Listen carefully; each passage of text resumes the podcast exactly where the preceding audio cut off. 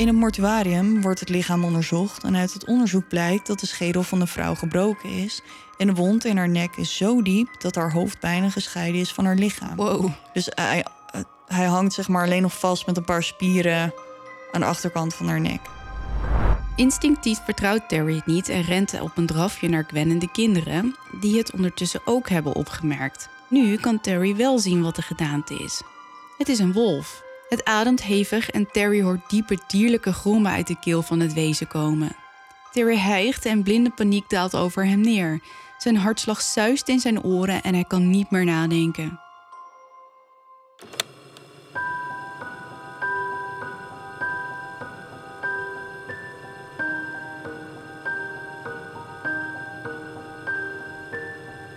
Dit is Duister. Een podcast waarin je wordt meegenomen naar het onbekende, het onbegrijpelijke.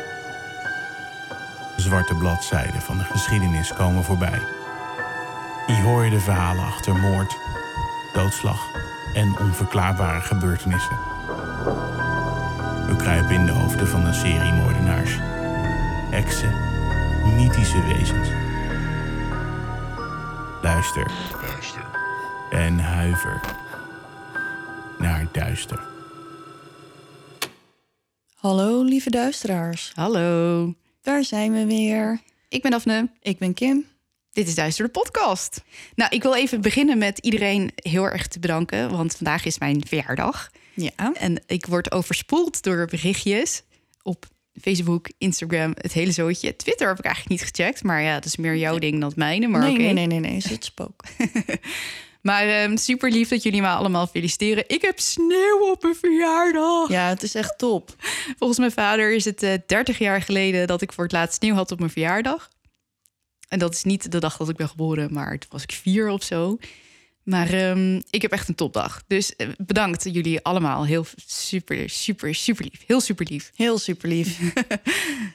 nou, nu we dat gehad hebben, we hebben nieuws. Ja.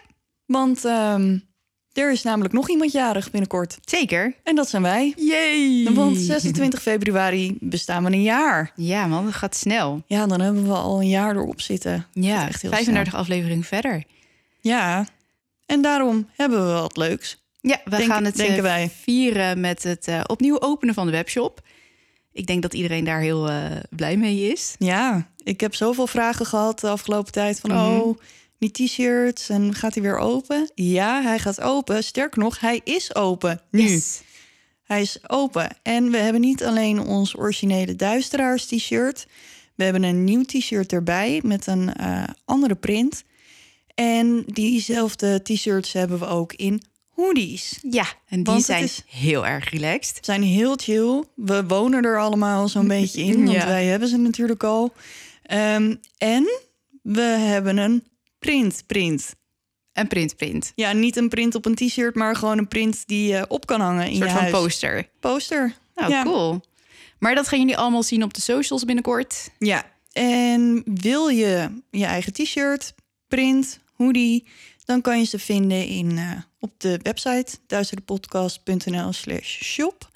En ik heb wel even een huishoudelijke mededeling. Ja. Hij blijft twee weken open. Hij gaat op 3 maart weer dicht.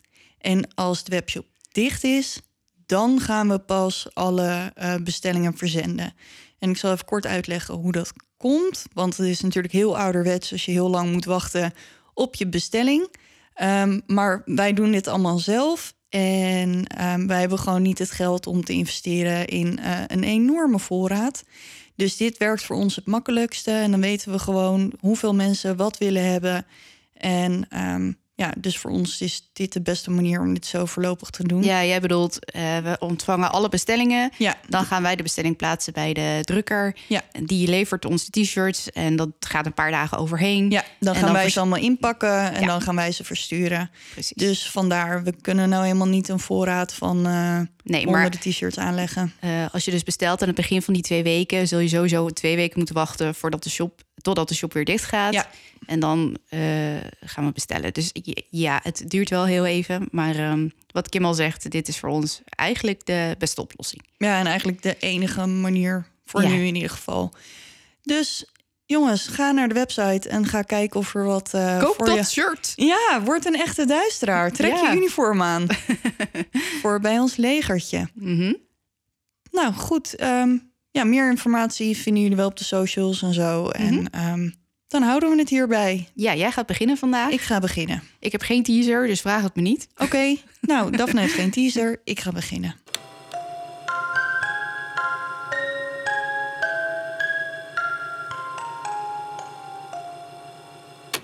Vandaag vertel ik het verhaal van Mary Wheeler. Mary Eleanor Wheeler werd geboren op maandag 26 maart 1886 in Igham, Kent, Engeland. Haar familie noemde haar liefkozend Nelly, maar omdat ze beter bekend staat als Mary, hou ik het daarbij. Oké. Haar ouders zijn Charlotte Ann Wheeler en James Wheeler. Charlotte werd geboren in Gillingham en was lerares op een zondagschool. Ze werd beschreven als een lange, slanke vrouw met heel blond haar. Ze leerde haar eerste liefde kennen, waarvan we de naam niet weten, in de kerk. Hij was een jonge architect en de familie van Charlotte was blij dat ze een goede man gevonden had om te trouwen. Dit huwelijk zou alleen nooit plaatsvinden. Vlak voor het huwelijk gaat ze bij haar broer op bezoek en als ze op de boot stapt, maakt ze kennis met James Wheeler, een bemanningslid, die op slag verliefd op haar werd. Oh, Ja, James werd beschreven als een lange, slanke man met donker haar. Als Charlotte van de boot afgaat, zegt James: Daar gaat mijn vrouw. Of dat meisje, of niemand voor mij. oh, Schattig, hè? heel lief. Als Charlotte tegen hem zegt dat ze niet met hem kan trouwen omdat haar hart aan iemand anders toebehoort, zegt James: Mogen de beste man winnen. en winnen deed hij.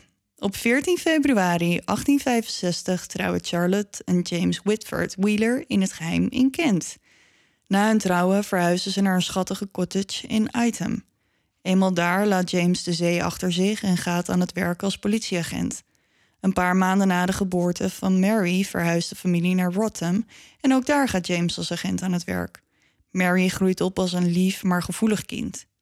Het liefst gaf ze alles wat ze had aan andere kinderen uit de buurt en ze kon het niet aanzien als een van hen geslagen werd. Als een van de kinderen iets stouts had gedaan en die waarschijnlijk een pak slaag kon verwachten, verstopte Mary ze en ging naar hun ouders om te vragen of ze ze alsjeblieft niet wilden slaan. Als Mary 2 is, verhuist het gezin naar de bruisende hoofdstad, Londen. Vlak nadat ze daar aankomen, krijgt James een baan bij een pakhuis op de Hermitage Steam Wharf in Wapping. Hij verdiende hier goed en bleef daar uiteindelijk 14 jaar werken. Charlotte had last van stuipen die wel of geen epilepsie konden zijn. Die diagnose heeft ze nooit gehad, want 18, eh hoeveel 18 was nog iets, ja. Ja, precies. Ook Mary leed aan aanvallen. Die van haar lijken te zijn ontstaan nadat ze op haar tweede met haar hoofd op de tegels in de tuin was gevallen. Na dit ongeluk begon ze haar hoofd aan te raken op de plek waar ze de grond had geraakt en bleef onophoudelijk huilen. Eenmaal oud genoeg om te praten, bleef ze klagen dat ze zo'n pijn in haar hoofd had. Het kan zijn dat de chronische pijn haar ertoe dreef om een poging te doen haar eigen leven te nemen door zich te verdrinken in de rivier de Lia. Ze werd gered door iemand die in de buurt woonde die de plons hoorde. De geneeskunde was toen natuurlijk nog niet zo ver gevorderd dat ze konden vaststellen of er echt iets aan haar hoofd was. Dus dat bleef voor altijd een mysterie. Mhm. Het lijkt me vreselijk in die tijd als je iets hebt, maar er is niemand die er wat aan kan doen. Ja, dat is nu al vreselijk, maar toen wisten ze ook gewoon veel minder. Mhm. In 1868 kregen Charlotte en James een tweede dochter, Amelia Elizabeth Wheeler. En in 1971 werd hun derde dochter geboren, Charlotte Amy Whitford Wheeler. Zes maanden na de geboorte van Amelia overleed ze aan een longontsteking. Ze kregen ook nog drie jongens. James John Henry Wheeler werd geboren op 4 december 1982. Charles Thomas William Wheeler werd geboren op 21 maart 1875. En John Wheeler werd ergens rond 1979 geboren. Toen, waren ze, toen was de naam inspiratie op, volgens mij. Mary gaat naar school en leert daar lezen, schrijven en rekenen. Ze was dol op lezen en verslond alle boeken die ze kon vinden. Ergens in haar late tienerjaren gaat Mary van school.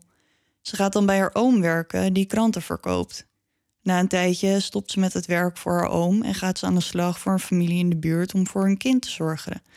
De familie Prummers.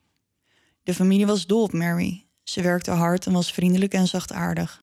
Helaas blijft Mary last houden van haar vreselijke hoofdpijnen en epileptische aanvallen. Het lijkt wel dat hoe ouder ze wordt, hoe erger de aanvallen worden. Als op haar werk een aanval krijgt, moet meneer Proemer haar vasthouden. Zo erg is het. Na deze aanval was Mary niet meer in staat te werken en gaat ze op zoek naar medische hulp. De familie Prummer laat haar met pijn in hun hart gaan in de zomer van 1882.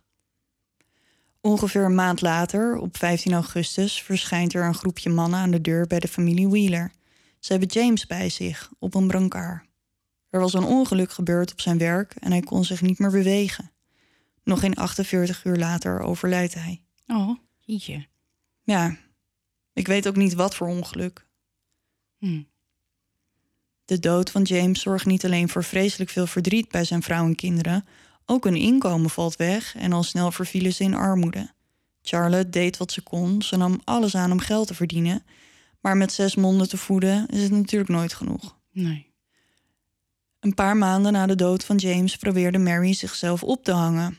Ze hing een stuk touw aan het plafond, stapte op een wasmand, deed de strop om haar nek en schopte de wasmand weg. Charlotte vindt haar en samen met een buurvrouw halen ze Mary naar beneden. Als ze iets later waren gekomen, dan was Mary er niet meer geweest. Goed, nu we wat weten over de jeugd van Mary, gaan we verder als ze 18 is. In 1885 leert ze John Charles Percy kennen en de twee beginnen een relatie. Ze trekt bij hem in en ondanks dat ze niet getrouwd zijn, neemt ze zijn achternaam aan. Voor haar is de relatie net een huwelijk, terwijl John naar haar refereert als zijn minnares. Oh, Ja, dat is een beetje eh, scheef. ja. Na drie jaar verlaat John haar, maar ze blijft zijn naam gebruiken. Ze verhuist naar 2 Priory Street in Kentish Town, waar ze op kamers woont. Er wordt gedacht dat deze kamers betaald worden door een rijke man, Charles Creighton, die haar af en toe bezocht voor seks. Hij kwam één of twee keer per week langs en voor de rest was Mary vrij om te doen waar ze zin in had. Terwijl ze nog met Charles Creighton is, als je dat al zo kan noemen, leert Mary Frank Samuel Hawk kennen. Frank werd geboren in 1860. Zijn vader is kruidenier en theeverkoper. Hij heeft een verhuisbedrijf en een kruidenierszaak en Mary is onder de indruk van zijn geprinte visitekaartjes. Oh, Ja, je kan maar onder de indruk zijn van kleine dingen. nou, Wel schattig. ja. Ze beginnen een relatie en Frank krijgt de sleutel van haar huis. Als Mary vrij is, zet ze een lamp voor haar raam, zodat Frank weet dat ze beschikbaar is. Want we moeten natuurlijk niet hebben dat Charles er ook is en de twee elkaar tegenkomen. Nee, precies. Er is alleen één probleem. Frank heeft al een relatie Oh. met een vrouw genaamd Phoebe en in 1888 trouwen ze. En Phoebe is dan zwanger van hem. Dus dat was een beetje een moedje. Hm. In 1889 wordt hun dochter Phoebe geboren, die Oh. ze liefkozend Tiggy noemen. Oh, god. Zo schattig vind ik dat. Ja. Ja, maar goed, dat, eh, ja, twee Phoebe's. Maar ik, hou, ik hou het gewoon op Tiggy om verwarring te voorkomen. Is goed. Maar Frank had eigenlijk helemaal niet met haar willen trouwen. Hij bedacht verschillende manieren om onder het huwelijk uit te komen, zoals het verlaten van het land of zelfmoord. Oh. Ja. Wat een oplossing. Ja, dat is wel eh, rigoureus. Maar Mary is degene die ervoor zorgde dat hij toch met Phoebe trouwde. Ze schreef hem brieven om hem over te halen. Ze zag hem liever getrouwd dan in het buitenland of dood, zodat ze in ieder geval nog contact met hem kon hebben. Mary en Phoebe raakten bevriend en ook met de zus van Frank, Clara, sloot ze vriendschap. Ik denk trouwens dat ze zich daar gewoon tussen heeft gewurmd. Want de vrouwen waren, zover ik weet, niet op de hoogte van de affaire. Dus ik denk dat ze gewoon eh, dacht van... ik ga een beetje mezelf daar naar binnen lullen en dan... eh, Hou ik ik alles in de contact gaten. met hem. ja, zoiets, ja. In 1890 wordt Phoebe ziek en Mary is degene die dan voor haar zorgt. Op 24 oktober 1890 vraagt Mary een jongen of hij een klusje voor haar wil doen. Ze vraagt hem een briefje af te geven bij Phoebe om haar uit te nodigen voor de thee die middag. Phoebe neemt de uitnodiging aan. Ze neemt kleine Tiggy mee in haar kinderwagen. De dames drinken thee en rond vier uur hoort Charlotte Priddington, de buurvrouw van Mary, het geluid van brekend glas. Ze steekt haar hoofd over de schutting om te vragen of alles oké gaat daar, maar ze krijgt geen reactie. Rond 7 uur die avond wordt het lichaam van een vrouw gevonden door een man die op weg is naar huis na zijn werk. Het lichaam lag op een stoep en hij gaat onmiddellijk naar de politie toe om te vertellen wat hij gevonden heeft. De vrouw heeft een vest om haar hoofd heen en als ze het vest verwijderen, wordt haar gezicht zichtbaar, net zoals de enorme gapende wond in haar nek. De vrouw, en dat is Phoebe, is bijna onthoofd. Het lichaam wordt meegenomen naar het politiebureau van Hampstead en daarna brengen ze haar naar het mortuarium. In het mortuarium wordt het lichaam onderzocht en uit het onderzoek blijkt dat de schedel van de vrouw gebroken is en de wond in haar nek is zo diep dat haar hoofd bijna gescheiden is van haar lichaam. Dus de ruggengraat is door en de strottenhoofd. Wow. Dus hij, hij hangt zeg maar alleen nog vast met een paar spieren aan de achterkant van haar nek. Dat is een flinke klap geweest dan. Nou ja, klap, snede. Dus nee, ja. ja. Volgens mij moet je daar heel sterk voor zijn, wil je dat? Ja, Ik heb daar heb je wel. gehoord dat het doorsnijden van een luchtpijp het net is alsof je een stofzuigerslang eh, doorsnijdt. Zo stug is dat. Vraag me niet waarom ik dat weet, maar Ja, dus je moet behoorlijk sterk zijn, wil je een hoofd van een eh Mens eraf kunnen scheiden. Ja, precies. En daarom moet een beul ook altijd zo precies mikken, op de, dat hij precies tussen twee wervels ja, hakt met Ja. zijn zwaard, omdat je anders gewoon afketst. ja, dat moet je niet hebben. Nee, dat is zeker geen pretje. En daarom, sorry hoor, ik ga nog even verder. Daarom was het ook voor sommigen eh, heel eh wilden ze een bepaalde beul hebben, omdat hij een goede reputatie had op, als het moment daar was. Wel logisch. Ja, tuurlijk, want je wil eigenlijk wel dat als je dan gaat, dat het dan, in één keer goed snel. gaat. Ja, Precies. maar goed, we gaan verder. Ze vinden tijdens het onderzoek ook blauwe plekken en wonden die wijzen op zelfverdediging. Dus ze heeft wel teruggevochten. De plaats waar het lichaam gevonden werd, werd ook onderzocht, maar is niets wat erop wijst dat dit ook het plaatsdelict is. De vrouw is ergens anders vermoord. De politie heeft geen flauw idee waar dat dan wel is en ze hebben ook geen mogelijkheid om de vrouw te identificeren. Later die avond vindt een agent een bebloede kinderwagen, ongeveer zo'n 1,6 kilometer van de plek waar de vrouw is gevonden. De kinderwagen is zo bloederig dat zelfs de kussens doordrenkt zijn met bloed. De volgende morgen werd het lichaam van een kind gevonden. Ze had geen wonden en leek te zijn gestikt. Hmm. Dus ik denk dat we allemaal wel kunnen raden wie dit dan is. Hmm. Nadat Frank en Clara in de avondkrant van zaterdag lezen dat er een dode vrouw gevonden is, besluiten ze Phoebe als vermist op te geven. En ik heb ook geen idee waarom ze zo lang gewacht hebben, want Phoebe ging op vrijdag naar Mary toe. Dus we zijn nu een dag verder. Hmm. Ja, dat is wel lang, ja. Ja, en helemaal als je kind dan ook niet thuis komt Nee. en zo. Frank stuurde Clara naar Mary toe om te vragen of zij Phoebe en Tiggy misschien gezien had, maar Mary ontkent. Ze stemt wel toe om met Clara naar het mortuarium te gaan om te kijken of het lichaam van de gevonden vrouw van Phoebe is. Als ze het lichaam te zien krijgen, gedraagt Mary zich vreemd. Het eerste wat ze zegt is: Nee, dat is er niet. Terwijl Clara Phoebe gewoon kon identificeren aan haar kleding. Ze deed haar best om Clara ervan te overtuigen dat het Phoebe echt niet was. En toen ze werden ingelicht over de verwondingen van de vrouw, werd Mary bijna hysterisch. Nadat ze het lichaam hebben bekeken, waarvan we nu toch echt zeker weten dat het Phoebe is, ondanks al Mary's pogingen om de politie iets anders te doen laten denken, vragen de agenten hen of ze ook even naar de kinderwagen willen kijken. Clara bevestigt dat het de kinderwagen van Phoebe is. Later zou een buurvrouw van Mary verklaren dat ze haar had zien lopen met een kinderwagen met daarin een groot object. En ik las ook ergens dat ze erg veel moeite moest doen om de wagen te duwen, omdat het zo zwaar was. Frank wordt op de hoogte gesteld van de positieve identificatie van zijn vrouw. En omdat een man of vrouw van het slachtoffer vaak bovenaan het lijstje verdachten van de politie staat, wordt hij onderzocht. Hij geeft toe dat hij een affaire had met Mary als ze de sleutel van haar huis vinden. Ja, Oh, ja, ja. natuurlijk. Ja. De politie, die Mary toch al verdacht vonden door haar gedrag in het mortuarium, besluit haar te ondervragen. Ze gaan bij haar langs en doorzoeken haar woning. In de keuken vonden ze bloedvlekken en bloedspatten. Ook vonden ze een bloederig vleesmes en een met bloed besmeurde pook. De keuken vertoonde ook sporen van een worsteling. Er waren twee gebroken ramen en in het kleed dat op de grond lag zat een bloedvlek. Het kleed rook alsof er geprobeerd was om het schoon te maken. Tijdens de doorzoeking van haar huis begon Mary zich steeds vreemder te gedragen.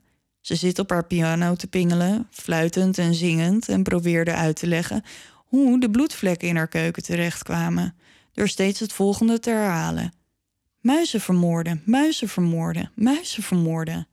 Oké. Ja, de politie nam natuurlijk geen genoegen met deze verklaring. Nee. Want volgens mij had ze iets van een muizenplaag, dus vond ze dit dan wel een goede. Uitleg. Ja, zoiets.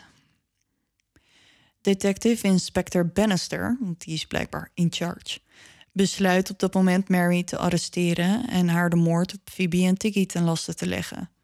Als ze het lichaam van Mary onderzoeken, vinden ze bloedvlekken op haar kleren, schrammen op haar handen en om haar vingers heeft ze twee trouwringen. Eén daarvan wordt later geïdentificeerd als de trouwring van Phoebe. Mary werd in hechtenis gehouden en op 28 oktober voorgeleid voor een zogenaamde committal hearing.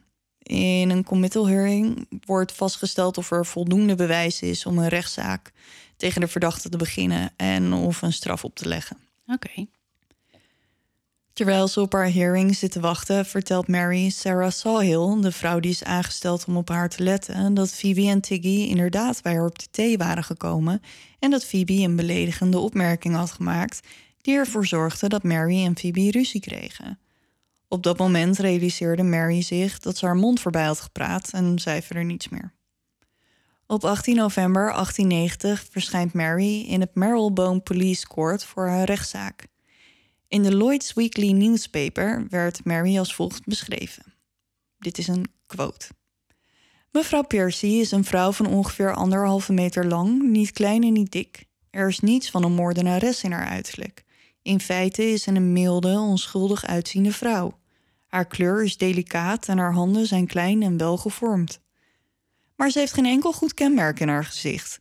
Haar ogen zijn donker en helder, maar niet groot. Haar mond is groot en slecht gevormd en haar kin is zwak en trekt zich terug. Mevrouw Percy zat dinsdag roerloos in de beklaagde bank van Marylebone, gekleed in een effen zwarte mantel, een donkergroene hoed, afgezet met donkergroen lint en zwarte handschoenen met zes knopen.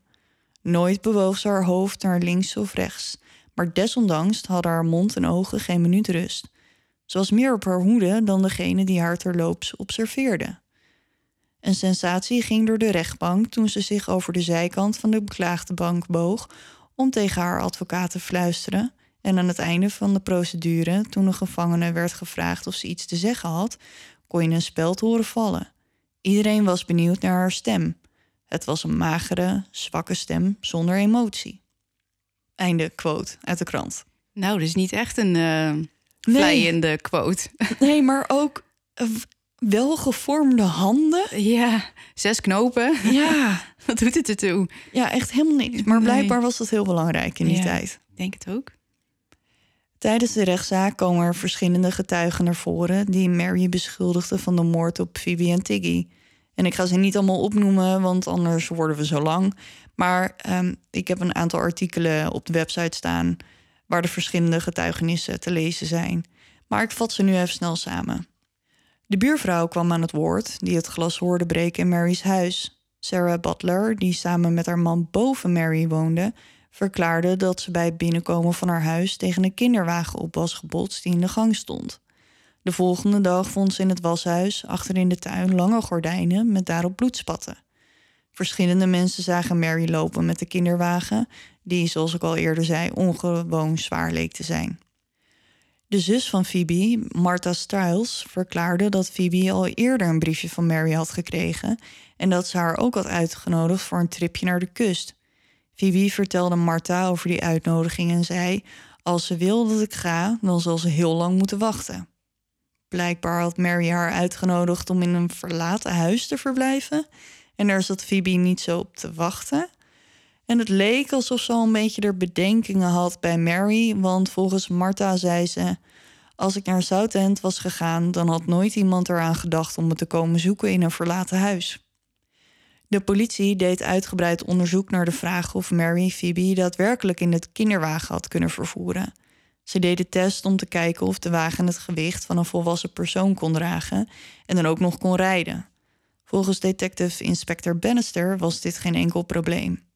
En het schiet me in één keer te binnen, maar ik heb dus gelezen dat ze waarschijnlijk het hoofd zo ehm, erg had afgesneden, zodat ze het kon knikken om het passend te maken voor in de kinderwagen. Jezus. Ja, wat dan? Ik zie dat helemaal voor me. Dat is niet echt een eh, vrolijk gezicht. Nee, nee, is het ook niet. Maar ja, waarschijnlijk paste het dan beter. Jezus, Mina. Volgens de agenten die aan de zaak werkten, had Mary Phoebe naar haar huis gelokt. En er was een ruzie ontstaan en Mary had Phoebe's hoofd ingeslagen. Daarna heeft ze haar hals doorgesneden en haar in de kinderwagen gestopt. Bovenop Tiggy, die daar al in lag, wat ervoor zorgde dat de baby stikte. Ach, god de god.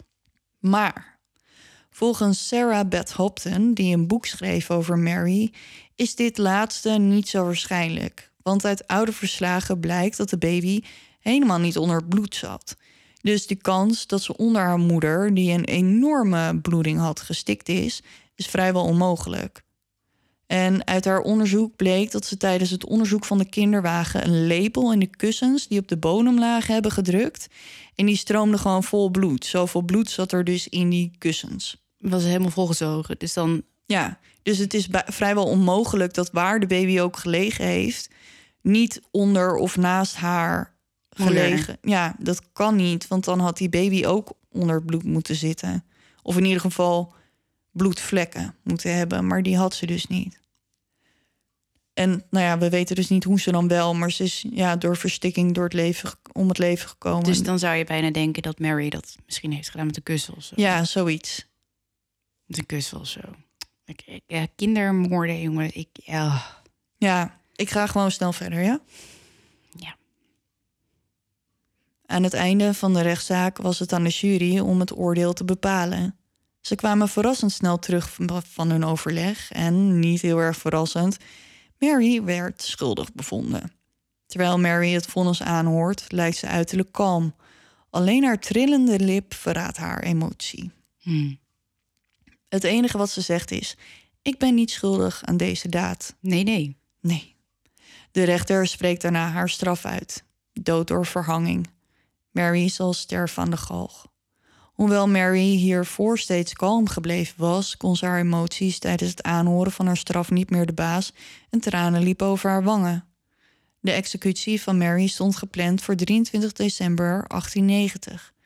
In de dagen voor haar executie had Mary een laatste gesprek met haar advocaat, Mr. Palmer. Het was bitterkoud die dag, dus het gesprek vond plaats in de kamer van de gevangenisdirecteur, waar het lekker warm was in plaats van de cel die daar normaal voor gebruikt werd. Mary vroeg hem om een aantal van haar spullen te verdelen na haar dood. Ze had bijna niets van waarde. Een ring voor haar moeder en haar testament voor haar zus. Ze had ook een verzoek voor de advocaat. Ze wilde dat hij een advertentie zou laten plaatsen in een krant in Madrid met de volgende boodschap aan MECP. Laatste wens van MEW. Ik heb niets verraden. Hm? Ja. En MEW staat duidelijk voor Mary Eleanor Wheeler. Mhm. Maar wie of wat MECP is, dat weet niemand. Hm? En ook niet wa- wat het in Madrid moest. Nou, blijkbaar heeft ze nog een Ja. geheim leven erop nagehouden. Geen idee, maar ik weet in ieder geval zeker dat ze nooit in Madrid is geweest. Maar ik heb niets verraden. Ja, Dus dan was het misschien een complot. Met dat ze met iemand had. Ja, en er wordt ook wel gezegd dat het onwaarschijnlijk is dat ze het in haar eentje heeft gedaan. Ehm, maar dan verdenken mensen Frank ervan geholpen te hebben. Oké. Maar waarom zou hij dat doen dan? Omdat hij een affaire met haar heeft. Ja, En zijn vrouw zat in de weg. weet ik. Maar hij had toch geen hekel aan haar? Nou, Dan ze hebben- ze hadden weg niet- kunnen gaan? Ja, ze hadden niet echt een lekker huwelijk. Oh, Dus, maar goed, ja, dat weet dus niemand. Dat was gewoon iets wat bizar. Ja, ja. Als Mr. Palmer haar vraagt of het iets met de zaak te maken heeft, zegt ze: laat maar. Mr. Palmer stelt haar daarna nog een aantal vragen. Hij vertelt haar ook dat als ze nog iets te zeggen heeft, wat licht kan werpen op de zaak, dan is Moet dit het het nu doen? moment om zich uit te spreken, zodat hij de nieuwe informatie eventueel nog voor kan leggen aan de rechtbank. Mary reageert met: Ik heb niets meer te zeggen. Vergeet de dingen die ik je gevraagd heb niet. Tot ziens. En daar ging ze. Terug naar de sil. Naar de ziel. Tot ziens. Oké. Oh. De moeder en zus van Mary zochten haar ook nog op. Ze ontvangt ze met kussen en knuffels en zit tussen ze in, met haar hoofd op de borst van haar moeder. Haar moeder zegt nog tegen haar dat als Mary wel schuldig is, dit dan het moment is om te bekennen, maar Mary blijft haar onschuld volhouden.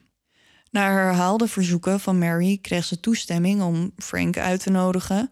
En ze mocht hem dan ontvangen op maandag tussen 2 en 4. Ze keek er zo naar uit om hem nog één keer te zien. Om twee uur zat ze er klaar voor, maar geen Frank te bekennen. Hoe later het werd, hoe nerveuzer ze werd. Na een tijdje beseft ze dat hij helemaal niet komt opdagen. Ze ligt huilend op haar bed met haar handen over haar gezicht, maar zegt niets. Na een tijdje staat ze op van haar bed, haar gezicht kalm en haar stem net zoals anders, en gaat verder met lezen alsof er niets gebeurd is. De executie van Mary vond plaats om 8 uur 's ochtends op dinsdag 23 december. De dag daarvoor werd ze overgeplaatst naar de mannenafdeling van de gevangenis, omdat die dichter bij de plek van de executie lag. Daar werd ze bezocht door een kapelaan die een gesprek met haar voerde. En ook hij vroeg haar om haar hart te luchten en te bekennen nu het nog kon. Maar ook hier heeft ze niks op te zeggen. Het is wel stug. Zeker. Terwijl ze wacht op de executie, eet ze bijna niets en ze verdrijft de tijd met lezen. Ook kreeg ze bijna geen slaap. Op de dag van de executie drinkt ze alleen een beetje thee en om half zeven komt de kapelaan terug om met haar te bidden. Mary was kalm en zei haar gebed in een zachte maar hoorbare stem. Nadat de kapelaan weg is, komen de mannen van de wet binnen, waaronder de beul. Ze begeleiden haar naar de strop en daar aangekomen krijgt Mary een witte kap over haar hoofd, zodat ze het instrument dat haar zou vermoorden niet hoefde te zien. De bewaarders begeleiden haar naar het touw en de kapelaan citeert ondertussen de hele tijd passages uit de Bijbel. Als ze op het valluik staat, bevestigt de beul het touw. Hij gaf de bewakers een seintje die bij Mary vandaan gingen. Hij legde zijn hand op een hendel en zodra hij hem naar beneden duwde, ging de vloer open en Mary Eleanor Wheeler stierf vrijwel onmiddellijk. Ondanks dat ze vrijwel meteen dood was, bleef Mary nog ongeveer een uur hangen voordat ze naar beneden werd gehaald en in haar kist werd gelegd. Hoezo een uur? Geen, nou, dat, dat, heb, dat komt hierna geen idee waarom, maar blijkbaar wilde ze weten of ze echt dood was. Oh, apart. Ja. Zou zeggen, als ze dood zijn, dan kan je ze gelijk naar beneden halen, maar Ja, waarom zou je iemand nog een uur laten hangen? ik heb geen idee. Ik ik vind het sowieso al een aparte tijd hoor. Ja, Maar eh, ze zullen er vast hun redenen voor gehad ja, hebben. zal wel. Ja, geen idee. Nee. Na haar dood was het verhaal van Mary nog niet afgelopen.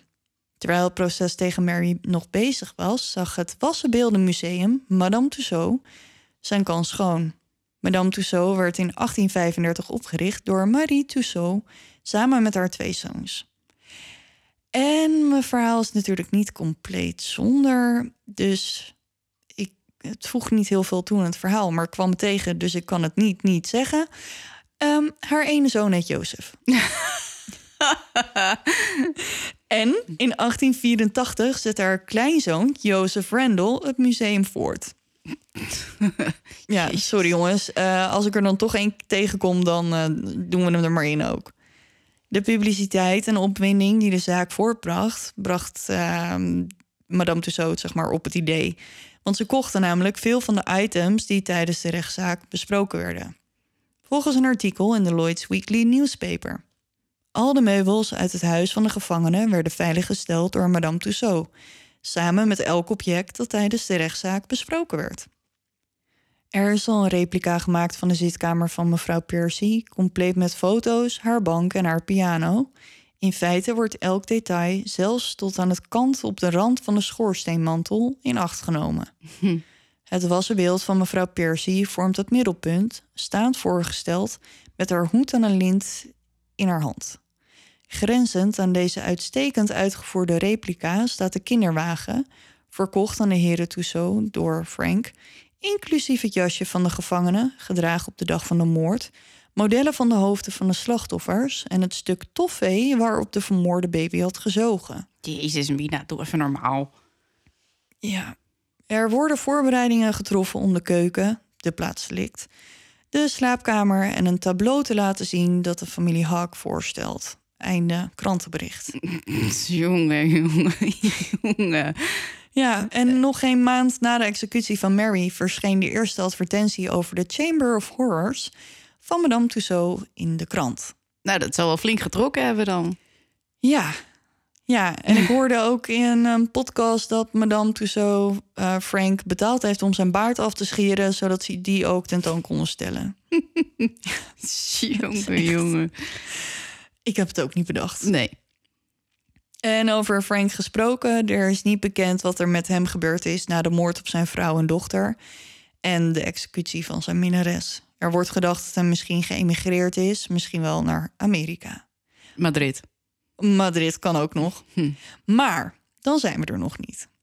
Toen Phoebe's lichaam werd gevonden en de pers er lucht van kreeg hoe erg het lichaam toegetakeld was, was de eerste gedachte: Jack the Ripper is terug. Ja. De moorden van Jack the Ripper en de paniek die daarna de stad overnam, lag de inwoners van Londen nog vers in het geheugen. Het was pas twee jaar geleden dat die gruwelijke moorden plaatsvonden. En de pers zwengelde de paniek opnieuw aan, terwijl er eigenlijk helemaal geen reden toe was. De moorden van Jack the Ripper vonden plaats in Whitechapel, terwijl Phoebe werd gevonden in Kentish Town. Niet alleen dat week af van de originele Ripper-moorden, ook de modus operandi was anders. Dus dat is dan de manier waarop de moord gepleegd werd. Sir Arthur Conan Doyle, de schrijver van Sherlock, was een van de eerste om te opperen dat Jack the Ripper misschien wel eens een Jill the Ripper zou kunnen zijn. Hm. Een vrouw, bijvoorbeeld een vroedvrouw, zou onopvallend door de straten kunnen lopen, besmeurd met bloed. Ze is immers zo'n vroedvrouw en als ze net geholpen heeft een baby te halen, dan is het helemaal niet zo gek dat ze onder bloed zit. Niet alleen Sir Arthur dacht dat Jack wel eens een Jill zou kunnen zijn. Ook schrijver William Stewart, die in 1939 het boek Jack the Ripper, A New Theory, schreef, dacht dat Jack the Ripper wel eens een vrouw zou kunnen zijn. In zijn boek beschrijft hij dat Jack, of eigenlijk Jill dus, inderdaad een vroedvrouw was, die daarnaast ook illegale abortussen uitvoerde, zeg maar on the side. Nadat iemand haar verraden had en ze in de gevangenis belandde, was ze uit op wraak. Na haar vrijlating zou ze aan het moorden zijn geslagen. Oké. Ja. Aparte theorie wel. Ja, maar goed, wat heeft dit allemaal met Mary te maken? Ehm, nou, Mary is een van de hoofdverdachten voor de Jill the Ripper-theorie, omdat ze met haar moord op Phoebe heeft laten zien dat ze in staat is tot gewelddadige moorden. En meer bewijs is er eigenlijk niet, maar tot op de dag van vandaag wordt zij aangemerkt als verdachte omdat er maar twee jaar tussen zat en de Ja. manier waarop op gelijk soort van. was. Ja. Oké. Ja. Dat zou wel. Ik weet je, het lijkt me echt. Volgens mij is het echt wereldnieuws Ja.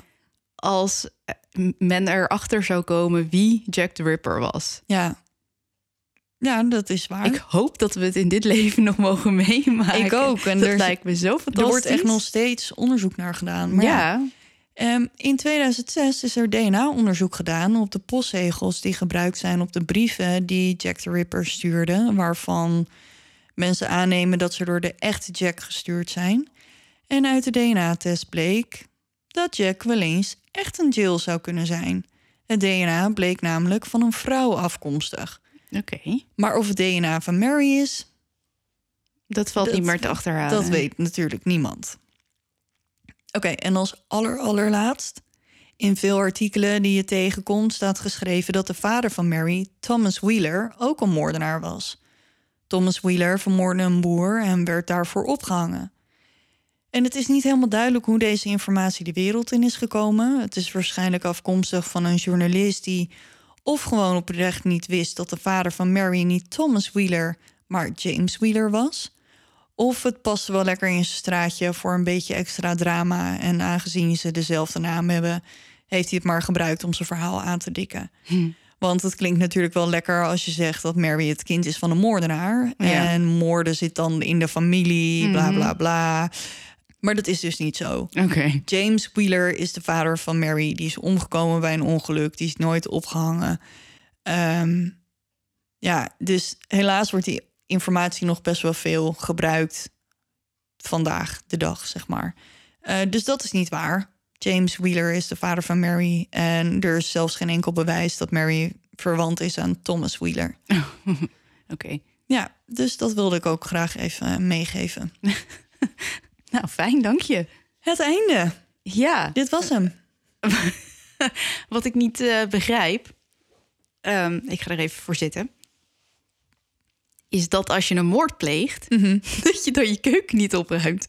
Ja. En dat je dan je gordijnen in het, washuis, eh, in het washuis legt en de kinderwagen in de gang laat staan en zo. Ja, hoe kan je nou denken dat men er dan niet achter komt, hè? Ik heb geen idee. Ik ook niet. Maar ja, ik vraag me soms wel af of ze misschien toch hulp heeft gekregen. Ja, precies. Ja, misschien Want- toch wel. En het is ook zo, zij is niet zo groot, ze is anderhalve meter, maar Phoebe werd beschreven als lange vrouw. Dus die zal groter zijn geweest dan die anderhalve meter. Ja, ik zit te knikken. Ja, ik weet niet. Misschien, eh, maar als het Frank was, dan is hij er lekker mee weggekomen. Ja, maar ja, misschien was het wel iemand anders. Eh, geen idee. Dit is alles wat we weten. Nou, mooi verhaal. Ja, tot zover eh, Mary Wheeler. Ja. Ben jij eh, klaar voor? Ik ben er klaar voor. Oké, nou, ga je Let's gang maar.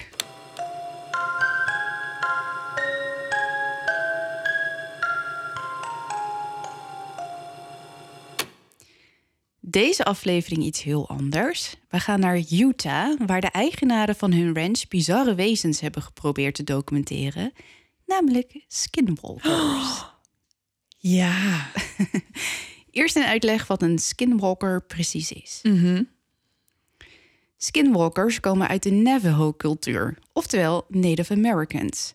De skinwalker is een soort heks die het vermogen heeft een dier te worden, te bezitten of zichzelf te vermommen. Oké, de Navajo dus. De naam Navajo komt uit de late 18e eeuw via het Spaanse Navajo, dat afgeleid werd van de Indiaanse taal Tewa Navahu, wat betekent velden die grenzen aan een ravijn. De Navajo noemen zichzelf Diné. Zij behoren tot de eerste bewoners van Noord-Amerika en bewonen nu het Four Corners reservaat. Het reservaat bestrijkt een hoek van Colorado, Utah, Arizona en van New Mexico. In de prehistorie migreerden de Navajo en hun buurstam de Apache naar het zuidwesten vanuit Canada, waar de meeste andere Athabaskan sprekende stammen, de taal van de Navajo, nu nog steeds wonen. Hoewel het exacte moment van de verhuizing onbekend is, wordt aangenomen dat het tussen 1100 en 1500 na Christus heeft plaatsgevonden. Deze vroege stammen waren jagers en verzamelaars, en nadat ze naar het zuidwesten verhuisden, namen ze veel over van de boeren Pueblo-Indianen, die zich al in deze gebieden hadden gevestigd. En het is niet Pueblo, maar Pueblio, Oké. dat je het even weet. Ja, nee, helemaal goed. kan maar beter goed geïnformeerd zijn. Hè? Ja, zeker, zeker. De Navajo leven in kleine groepen en wonen vlakbij hun maïsvelden, die alleen door de vrouwen worden bewerkt. De mannen zijn vooral op jacht naar vlees of op oorlogspad. In tegenstelling tot wat vaak gedacht wordt, zijn het juist de vrouwen die de broek aan hebben binnen het gezin. De vrouw is eigenaar van de dieren, de spullen en het stuk grond waar ze wonen. En die grond wordt overigens overgedragen van moeder op dochter, soms wel generaties lang. Zoals je misschien wel weet, zijn de Indianen in Amerika behoorlijk spiritueel. Zo ook de Navajo. Zij geloven in twee klassen mensen: aardse mensen en heilige mensen. De heilige mensen passeren drie werelden: de zwarte, de blauwe en de glinsterende, voordat ze in de laatste terechtkomen, de aardse wereld. Eeuwen geleden leerde het heilige volk de aardse mensen hoe ze op de juiste manier moeten leven, zoals in harmonie zijn met Moeder Aarde, Vader Hemel en vele andere elementen zoals dieren, planten en insecten. Ook is het in de laatste aardse wereld voor de Navajo belangrijk dat zij de balans tussen mens en natuur goed houden. Hiervoor gebruiken zij veel verschillende ceremonies. Maïspollen bijvoorbeeld worden als heilig en als grote welvaart beschouwd en worden veelal gebruikt als zegen of als offer, vooral als het gaat om genezen van zieken. Tijdens zo'n genezingsceremonie zal de medicijnman aan het heilige volk vragen aanwezig te zijn en de patiënt hernieuwde gezondheid te brengen. De genezende tradities van de Navajo gaan duizenden jaren terug. De eerste inheemse stammen van Noord-Amerika leerden dat door het mengen van kruiden, wortels en andere planten verschillende medische problemen genezen konden worden. Maar deze remedies zijn niet het enige onderdeel van het genezingsproces. Hoewel er geen geschreven regels voor genezing bestaan, geloven de Navajo dat gezondheid een uitdrukking is van de geest en een voortdurend proces van spiritueel, mentaal en fysiek sterk blijven. Deze kracht zit in de mens verstopt. Het doel is dan ook om de innerlijke kracht te vinden. Dit doet men door in harmonie te blijven met zichzelf, de gemeenschap, de natuurlijke omgeving en de schepper. Door deze balans te houden blijven ziekte en ongelukken uit. Ieder persoon is verantwoordelijk voor zijn of haar eigen gezondheid en alle gedachten, tevens handelingen, hebben gevolgen. De Navajo noemen dit ook wel hun medicijn. Er zijn bepaalde voorwerpen, deze zijn voor iedereen anders, die dit medicijn kunnen versterken. Voor de een zijn het stenen of kristallen, voor de ander een bepaalde heilige plaats of een visioen, maar ook huiden van een dier of bijvoorbeeld het hebben van lang haar. Ja, maar er zijn toch heel veel Native Americans met lang Zeker, haar. ja. Ik zag toevallig laatst, ik heb helemaal geen TikTok, maar soms kom je op Facebook een TikTok-filmpje tegen. Ehm, van, een, van een Native American die inderdaad nu zijn haar aan het laten groeien is. Omdat hij zoiets heeft van ja, ik wil gewoon weer mijn cultuur omarmen. En ehm, Ik ben in mijn vorige leven in India geweest. Mm, ja. Nee, maar ik begrijp eh, wat je zegt. Ik, eh, ik heb, volg inderdaad ook een, eh, een Native American. Het klinkt een beetje raar op Instagram. En die, ja, misschien is het wel dezelfde. hij is model. Ja, Ja, nou dat is. oh grappig. Ja.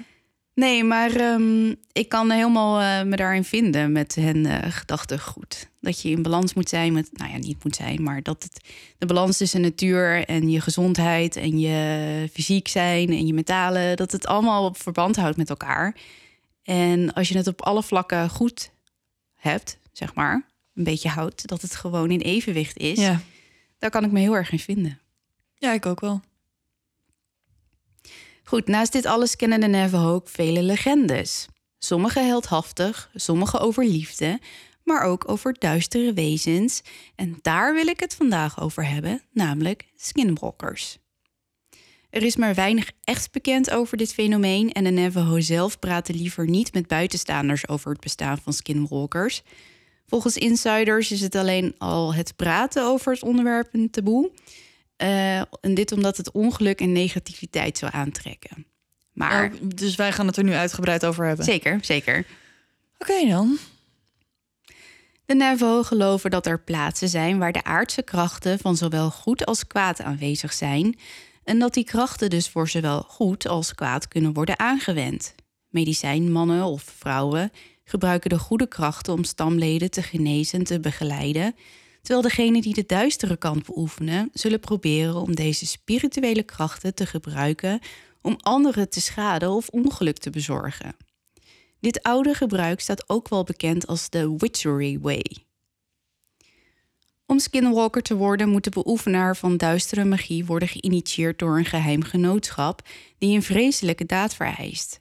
Namelijk het doden van een naast familielid, meestal een broer of zus, of soms zelfs een ouder. Nadat deze taak is voltooid, verwerft het individu zijn of haar bovennatuurlijke krachten, zoals onder andere het kunnen transformeren naar een dier.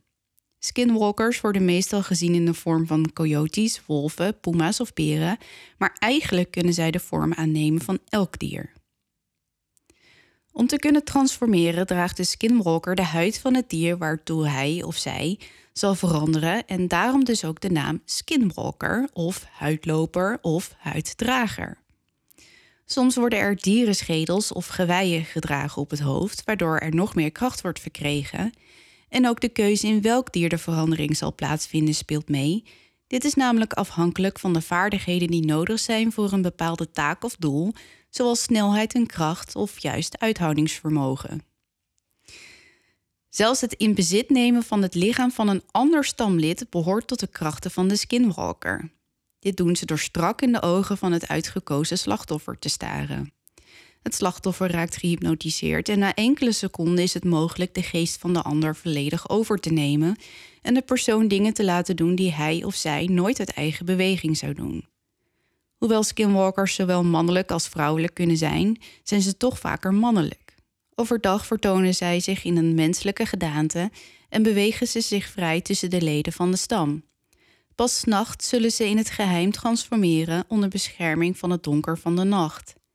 Het is onduidelijk of skinwalkers in groepen verblijven of juist alleen, maar er zijn vermoedens dat ze zich ophouden in donkere grotten en afgelegen plaatsen. Er wordt beweerd dat ze zich bezighouden met necrofilie, cannibalisme en incest, en dat als er een leider is, dit zeer waarschijnlijk de oudste of langstlevende blokker is. Oké, gezellig clubje. Nee. Nee, je kan beter bij de Duisterclub zitten. Ja, dat was wel gezellig. Ja. Nu we weten wat het fenomeen skinwalker inhoudt, gaan we naar Utah, naar een afgelegen ranch, zo'n 241 kilometer ten zuiden van Salt Lake City, gelegen in een Mormoonse gemeenschap midden in het Ute Native American Reservation. Ik vind Utah zo'n enge staat. Echt, ik, oh, ik ben er geweest en ik wil er echt blijven. Er, je wil niet weten hoeveel cults en rare gelovigen daar wonen. En het, nee, Ja, dat is wel waar. doodeng. dat is wel een beetje waar, ja. De voormalig eigenaren van die ranch zijn ervan overtuigd dat de ranch een hotspot van paranormale activiteit is. In 1994 verhuisden Terry en Gwen Sherman samen met hun twee kinderen en drie honden van New Mexico naar Utah, waar ze een ranch gekocht hebben. Ze zijn het leven in de stad zat en willen meer rust en minder bemoeienis van andere mensen. Ze zijn in Utah terechtgekomen omdat hier veel afgelegen stadjes te vinden zijn met grote oude huizen en met veel grond en dat voor de juiste prijs. Via een anderhalf kilometer lange oprijlaan, omringd door olijfbomen en begeleid door een beekje, ligt de in 1934 gebouwde ranch midden in een klein dal. De ranch die Terry en Gwen gekocht hebben. Ze moeten wennen aan de, in hun eigen woorden, remoteness van de ranch, oftewel het feit dat het zo vreselijk afgelegen ligt. Ja, dat kan ik me wel voorstellen. Het gebouw is een opknappertje. Alle ramen zijn dichtgetimmerd, het dak lekt en de tuin is weggespoeld door een eerdere modderstroom. De familie denkt zeker een jaar nodig te hebben om achterstallig onderhoud aan te pakken. De eerste keer dat ze door de voordeur de ranch binnenkwamen, had het gezin een ijzige kou gevoeld, terwijl het buiten meer dan 40 graden was geweest. Overal hadden bouten en kettingen gelegen en het huis leek vanuit binnenuit verstevigd, alsof het een fort was. Vreemd, want waar waren de vorige eigenaren bang voor geweest? Toch begint Terry vol goede moed met klussen en het bewerken van zijn nieuwe land. Hij en zijn vrouw Gwen zijn experts op het gebied van het fokken van Black Angus showkoeien. En deze plek is zeer geschikt voor het stallen van hun vee. Als Terry en Gwen na een dag hard werken, s'avonds een biertje drinken op de veranda, valt hen een vreemd licht in de hemel op. Het flikkert, verdwijnt en komt dan weer terug. En even lijkt het licht samen te smelten tot een bol, voordat het weer verdwijnt. Terry en Gwen kijken ernaar, maar beide reageren er niet echt op. En ze voelen ook niet de behoefte wat ze zojuist aanschouwden te bespreken met de ander. Het was vreemd, maar ergens ook wel mooi. Een dag later is het gezin buiten bezig. Gwen in de tuin, Terry een paar honderd meter verderop, waar hij een omheining aan het installeren is. De kinderen spelen op het gezond met de honden. Plots valt Terry in de verte een gedaante op. Het is groot en steekt donker af tegen de horizon. Terry knijpt zijn ogen samen en hij probeert uit te vogelen waar hij nou precies naar kijkt. Hij weet de vorm van een koe wel te onderscheiden, maar dat is dit duidelijk niet. Dan komt de gedaante in beweging en loopt langzaam op hem af. Instinctief vertrouwt Terry het niet en rent op een drafje naar Gwen en de kinderen, die het ondertussen ook hebben opgemerkt. Het komt steeds dichterbij en nu kan Terry wel zien wat de gedaante is. Het is een wolf. Groter dan de grootste wolf die hij ooit heeft gezien. Het beest is werkelijk enorm. Gwen roept de kinderen die op de truck geklommen zijn, maar geen van beiden reageert. De wolf is nu nog maar een paar meter bij hen vandaan en Terry kan het beest bijna aanraken. Plots blijft het stilstaan en Terry ziet dat het beest zijn kop opricht en hem vol in zijn ogen aankijkt. Terry kijkt terug en is verrast te zien dat het beest staalblauwe ogen heeft, wat voor een wolf vrij uitzonderlijk is. Het dier komt weer in beweging en gaat nu richting Gwen. Terry voelt zijn angst groeien nu het enorme beest op zijn vrouw afloopt. Het zweet breekt hem uit, maar toch verroert hij zich niet. Zachtjes roept hij zijn vrouw toe geen onverwachte bewegingen te maken. Een van de kinderen roept angstig naar zijn moeder en Gwen's ogen schieten vliegensvlug van de truck naar de wolf. Het dier staat nu pal voor haar neus en Terry ziet dat Gwen haar hand uitsteekt. Niet doen, hoort hij zichzelf zeggen, maar ze hoort hem niet. Gwen raakt met haar hand voorzichtig de kop van de enorme wolf aan, terwijl ze haar hoofd laag houdt. De wolf reageert niet en met een ruk draait het beest zich om en loopt verder. Nu loopt hij op de kalven af, die op een kluitje binnen een omheining staan. Een van de dieren begint te loeien en dat triggert Terry om in beweging te komen. Dit gaat niet goed. Dit gaat zelfs helemaal fout. Schreeuwend naar een van de kinderen dat hij zijn geweer nodig heeft, sprint Terry met een enorme vaart op de wolf af. Het beest is ondertussen over de houten omheining gesprongen en staat nu oog in oog met een kalf. Terry neemt een aanloop en met één soepele beweging springt hij over het hek en schopt met een rotvaart de wolf in zijn flanken. Hij denkt dat dat het beest wel zal afschrikken, maar het lijkt de wolf precies niets te doen. En in plaats van weg te rennen, schiet het beest nu naar voren en grijpt een kalf bij de keel. Maar wie in welke wereld is dat een goed idee? Met een grom sleurt de wolf het kalfje mee en Terry denkt koortsachtig na. Wat moet hij godsnaam doen? Maar dan krijgt hij zijn geweer in zijn handen geduwd en voor hij er erg in heeft en zijn handelingen gaan totaal langs hem heen, vuurt hij op de wolf. Het schot is raak en het beest laat het kalfje los en draait zich nu naar hen om. Terry's ogen worden groot en hij vuurt nog een keer. Weer raak. Het lijkt het beest echter niets te doen en het komt nu op hen af. Terry gilt nu buiten zichzelf dat iemand zijn pistool moet halen uit het huis, maar dan is Gwen daar die hem het pistool al aangeeft. Hij vuurt nog een keer en dit keer lijkt de wolf eieren voor zijn geld te kiezen en loopt op een drafje naar de omheining, springt er overheen en verdwijnt achter een aantal rotsen. Terry en Gwen slaken een zucht van opluchting. Later die dag rijdt Gwen naar het Tribal Office, een kantoor waar zaken die het reservaat aangaan kunnen worden gemeld en waar de Tribal Police wacht houdt. Ze doet haar verhaal, vraagt zelfs of de wolf misschien iemands huisdier is, maar de vrouw achter de balie kijkt haar met een opgetrokken wenkbrauw aan. In dit gebied wonen geen wolven en zeker weten dat de mensen hier geen wolf als huisdier houden. Misschien had ze zich vergist en een coyote gezien, Gwen vertrekt, maar toch overvalt haar het gevoel dat ze haar niet de waarheid verteld wordt. In de dagen die volgen blijft het gezin de wolf zien. Het dier staat op een afstandje naar hen te staren en een enkele keer staat het in de tuin terwijl het gezin binnen is. Gwen's ongemak groeit en ze vertrouwt de schijnbaar bulletproof wolf voor geen meter. Later die week is ze buiten bezig bij de koeien wanneer iets met een enorm hoge snelheid vlak langs haar vliegt en haar op een haar naar mist. Gwen bukt instinctief en voelt dat het object een enorme circulatie in de lucht heeft veroorzaakt. Ze speurt de hemel af, maar ziet niets. Maar een tel later vliegt er weer met een enorme snelheid iets op haar af. Weer bukt ze en weer mist het object haar net. Wat is dat voor ding? Een terroruil. De oehoe uit permanent. Oké. Gwen vertrouwt het niet en snel pakt ze haar spullen en loopt naar het huis. Maar in haar ooghoek ziet ze een donkere gestalte. Het is de wolf. Gwen besluit het Terry te vertellen en ook hij geeft toe dat hij al eens een vreemd object heeft zien vliegen. Iets wat Gwen alles behalve geruststelt. Toch begint ze aan zichzelf te twijfelen. Zou er iets mis met haar zijn? Verbeeldt ze zich soms dingen? Ze is ook telkens spullen kwijt: sleutels, haar hoed of haar tas. Maar na een tijd raken er ook grote dingen vermist. Een stapel palen die Terry de grond in had willen slaan voor een gebroken stuk omheining, verdwenen. De hele avond zoekt het gezin in het donker naar de palen, maar ze zijn spoorloos.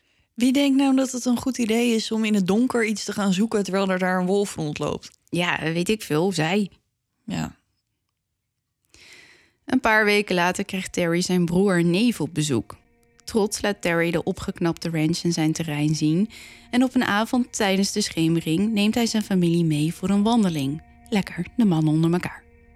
Ze lopen langs de omheining zodat Terry tegelijkertijd kan checken of alles nog heel is, als ze in de verte twee koplampen zien. Het lijkt wel alsof er een camper op het terrein rijdt. Terry heeft vaker last gehad van trespassers die op zijn land ongevraagd komen jagen, maar dit keer is hij er klaar mee. Samen met zijn broer en neef loopt hij op de camper af.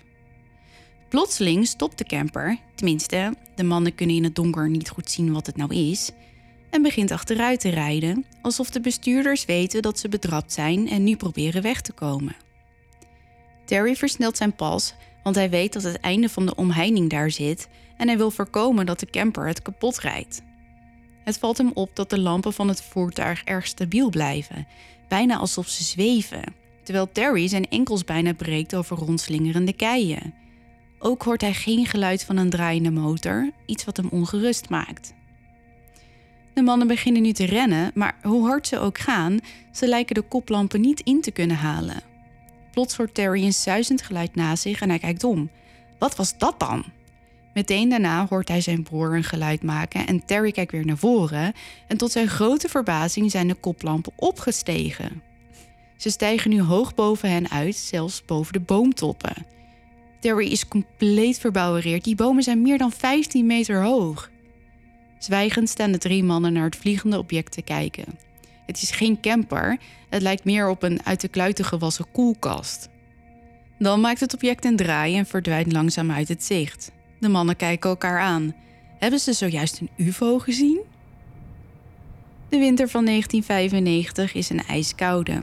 Hevige sneeuwval houdt weken aan en zorgt voor een constante laag sneeuw van bijna een meter. Terry gaat er iedere dag op uit om zijn koeien in de gaten te houden en terug te drijven naar de ranch als het nodig is. Op een ijskoude nacht raast er een sneeuwstorm over en Terry heeft de verkeerde keus gemaakt om de koeien niet naar binnen te halen. De volgende ochtend gaat hij te paard naar zijn kudde op zoek.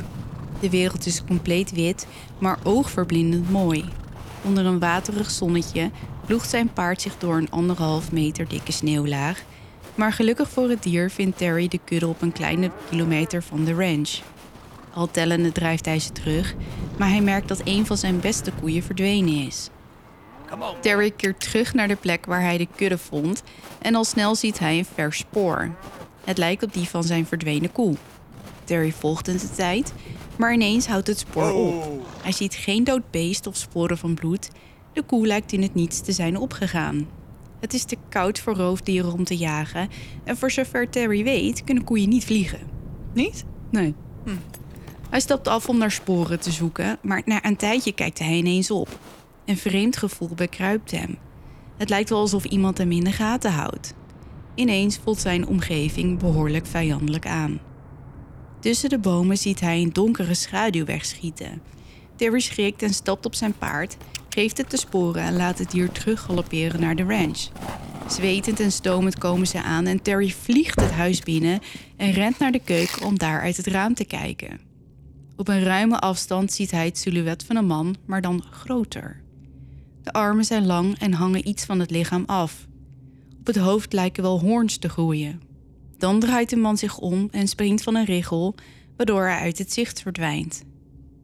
Later die dag zoekt Terry nog naar de koe, maar vindt haar niet. Er verdwijnen zelfs nog meer koeien in de weken die volgen. Ook de vreemde lichten keren terug. Op een avond staat Gwen de afwas te doen wanneer er een blauwvormig licht voor het keukenraam blijft hangen. Gwen is alleen thuis en meteen is ze doodsbang. Staat er iemand buiten met een zaklamp?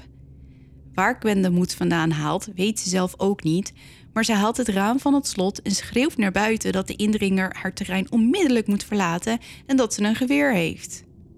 Het blauwe licht blijft echter hangen en snel doet ze het raam weer dicht. Vertwijfelend staat ze er naar te kijken, besluiteloos wat te doen, als het licht ineens opstijgt tot boven de dakgoot van de schuur en daarna langzaam uit het zicht verdwijnt.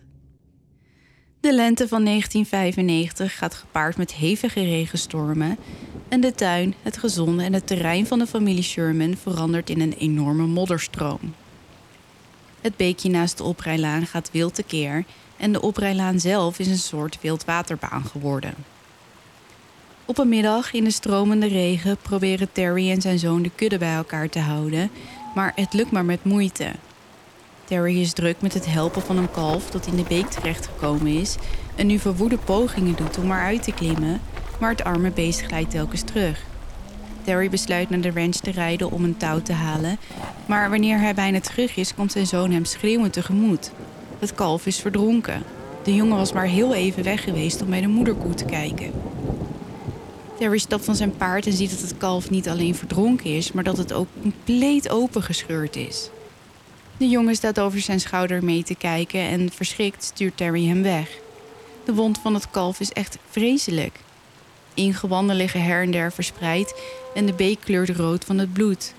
Ook de genitaliën van het dier zijn weggescheurd en de ogen missen, wat een lugubere aanblik geeft. Hoe kan dit? Was het een roofdier? Hoe kan het dat de jongen niets gezien of gehoord heeft? Te neergeslagen keren vader en zoon terug naar huis. Maar meer en meer dieren raken vermist. Telkens vindt Terry ze verminkt terug. Op een van de dieren treft hij een vreemde bruine substantie aan. Wanneer hij terugkomt bij het dode dier met een plastic gesield bekertje, is het al te laat. Het bruine spul is verdwenen. Terry ziet zijn kudde steeds meer slinken en zijn humeur zakt tot het dieptepunt en hij weet niet meer wat hij met de situatie aan moet. Als hij melding maakt bij het tribal office, blijkt hij niet de enige te zijn met vermoord vee. Later die dag staat Terry op de veranda zijn laarzen aan te trekken als hij ineens een koebel hoort. Vreemd, want zijn koeien dragen geen bellen. Terry wil net zijn andere laars aantrekken als hij een man ziet staan. Zo'n 60 meter van hem af staat midden in het veld een man met zijn armen in de lucht, doodstil, alsof hij de zon aan het aanbidden is. Meteen schiet er van alles door Terry's gedachten. Hoe komt deze man hier? Weet hij dan niet dat dit privéterrein is? Plotseling wordt Terry's aandacht getrokken naar de bomen links van hem. Het lijkt alsof er een donkere schaduw tussen de bomen beweegt, maar dan met een bizar hoge snelheid. Terry staat er met open mond naar te staren. Is het dezelfde schaduw die hij al eerder zag? Ineens breekt de schaduw los van de bomen en schiet met een ongelofelijke snelheid op de man af die midden in het veld staat. Terry schreeuwt en de man kijkt naar hem om en ziet daardoor niet de donkere schaduw die met een noodgang op hem afkomt. Terry schreeuwt weer, maar het is te laat. De schaduw blijkt geen schaduw te zijn, maar een soort menselijk uitziend wezen. Het is enorm groot en lijkt een vacht te dragen. Het gezicht is onherkenbaar door de grote dierlijke schedel die op het hoofd zit. Met een bizarre, bijna onmenselijke kracht grijpt het wezen de man in het veld bij zijn middel en slingert hem alsof hij niets weegt de lucht in. De man gilt en klapt zo'n vijf meter verderop op de grond. Een derde keer schreeuwt Terry en het wezen draait zich nu om. Het slaakt een luide dierlijke grom en schiet dan op hem af. Het gaat zo snel, het lijkt wel een video die versneld afgespeeld wordt. Terry struikelt naar achter en ziet het wezen steeds dichterbij komen. Het bereikt nu bijna de veranda. Vlak voor hem, met een halve sliding en een stofwolk, komt het wezen tot stilstand. Het ademt hevig en Terry hoort diepe dierlijke grommen uit de keel van het wezen komen. Terry hijgt en blinde paniek daalt over hem neer. Zijn hartslag zuist in zijn oren en hij kan niet meer nadenken. Plotseling is daar een wild geblaf. Een van zijn zoons is thuisgekomen met de honden en ze hebben het wezen opgemerkt. Terry kijkt om en ziet zijn jongste kind worstelen om de honden bij zich te houden, maar ze zijn te sterk en luisteren niet. Het wezen staat nog steeds vlak voor Terry, maar ziet dan de honden, slaakt een luide grom en maakt zich uit de voeten. Terry zakt van intense opluchting op zijn knieën, maar dan bedenkt hij dat er zich nog steeds een vreemde man, waarschijnlijk knock-out, op zijn terrein bevindt. Terry loopt met onvaste benen de richting van de vreemdeling uit, maar die is nergens meer te bekennen. S'avonds vertelt hij alles aan Gwen. Gwen op haar beurt vertelt hem over de vreemde lichten die haar al wekenlang stalken als ze uit haar werk naar huis rijdt. Over de enorme wolf die haar telkens achtervolgt en over de spullen die ze de godganse dag kwijt lijkt te zijn. Zachtjes praten met de honden naast zich op de bank nemen ze een besluit. Ze moeten hier weg. Deze plek is vervloekt. Hoe weten ze niet? Maar ze kunnen hier niet langer blijven. De volgende ochtend, wanneer Terry naar buiten loopt, ruikt hij een brandlucht. Hij fluit de honden, maar krijgt geen reactie. Beetje vreemd, maar misschien zijn ze aan het zwerven door het bos, dat doen ze wel vaker. Wanneer Terry zijn paard gepoetst en gezadeld heeft, fluit hij nog eens. Geen reactie. Weer ruikt hij een brandlucht en ineens raakt hij in paniek. Snel stijgt hij op en hij rijdt naar het bos om de honden te zoeken, maar vlak voordat hij de eerste bomen bereikt, ziet hij de oorzaak van de brandlucht. In een perfect platgetrapte grascirkel liggen de honden. Ze zijn verminkt en daarna verbrand. Nee, niet de hond. Dezelfde dag nog wordt de ranch te koop gezet. En nu denk je dat het verhaal hier eindigt. Ik doe even een kimmetje. Maar dat is dus niet zo. De ranch wordt gekocht door een onderzoeksteam, het NITS, wat staat voor National Institute for Discovery Science. Na de vele geruchten uit de omgeving, het verhaal van de familie Sherman en het ontkennende gedrag van de Navajo over het bestaan van skinwalkers, hebben de onderzoekers bijzonder nieuwsgierig gemaakt. Dit is hun kans: een laboratorium in het wild en echt veldwerk om te doen. Maar al snel overkomt het team hetzelfde wat de familie Sherman overkwam. Het enige verschil met de familie is dat het researchteam zich minder snel laat opnaaien. Week in, week uit doet het team onderzoek.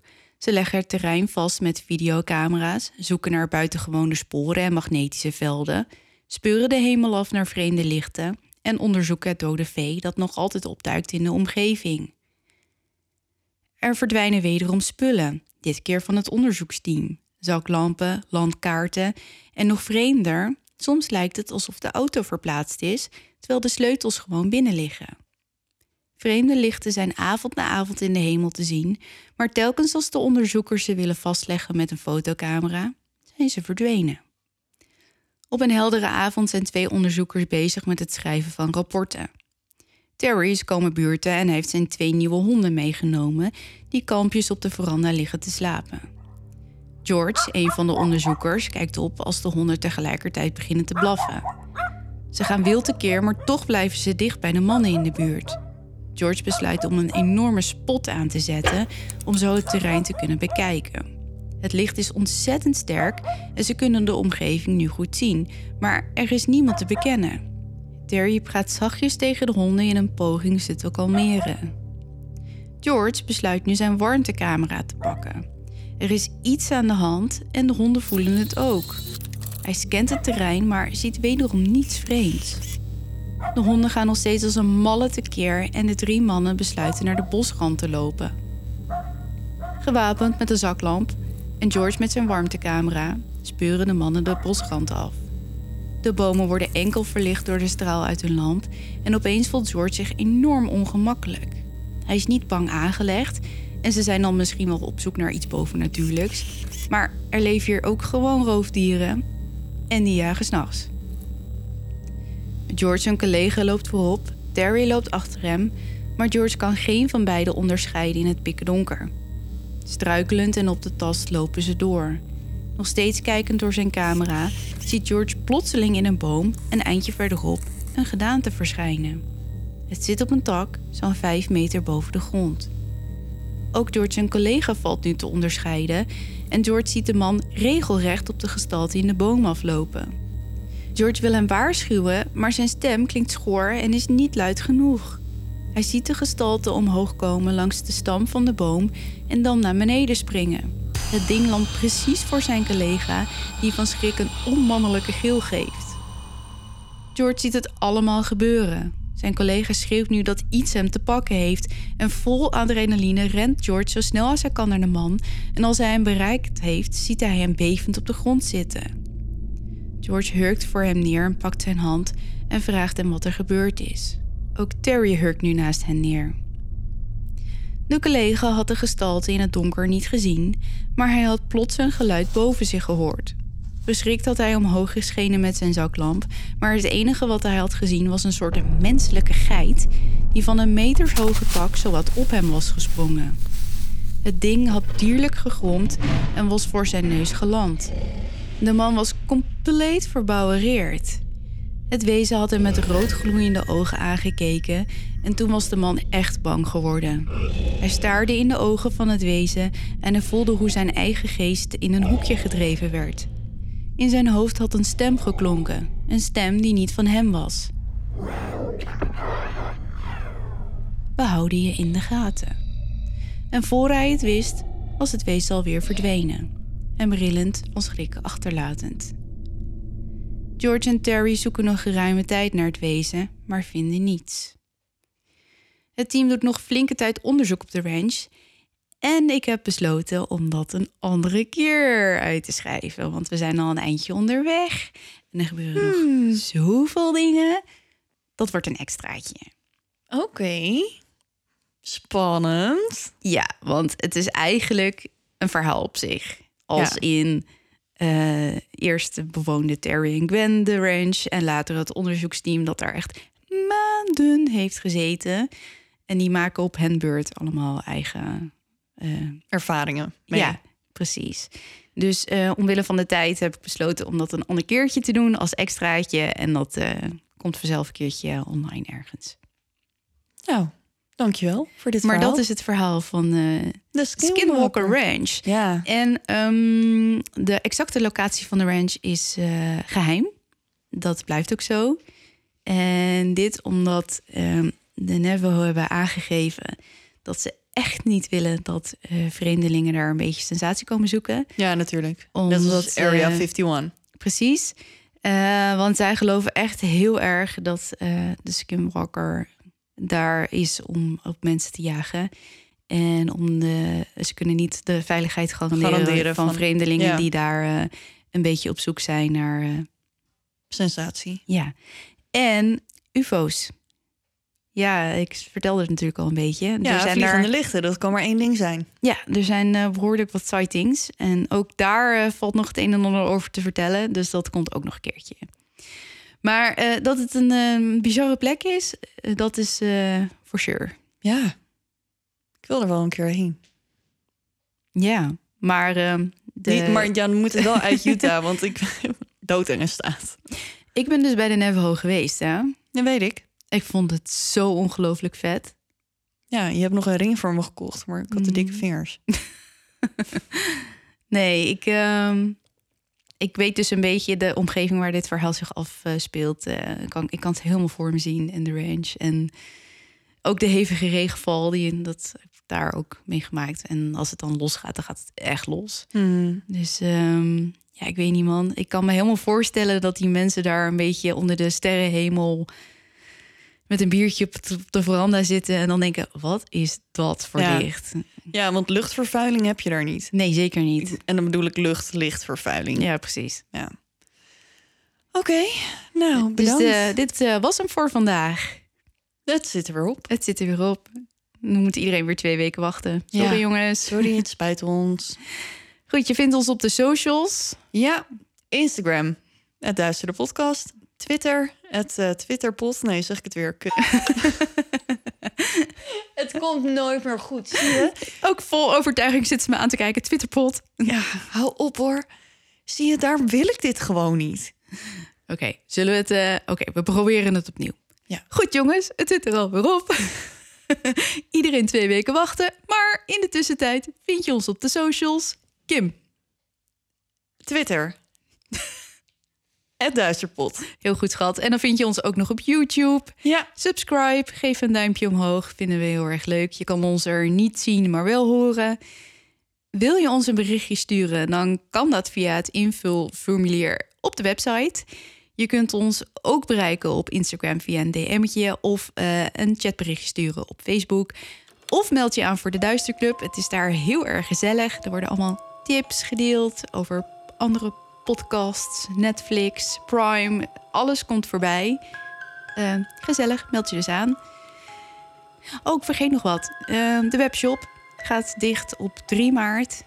om 12 uur Ja, van woensdag op donderdag. ja, En hij gaat vandaag, 17 februari, open. heel goed. Dus ehm, als je wat wil hebben, ga dan snel naar de shop en bestel wat. Ja, doe dat. Jongens, onthoud, Blijf in het licht. Want je weet nooit wat er in het duister op je wacht.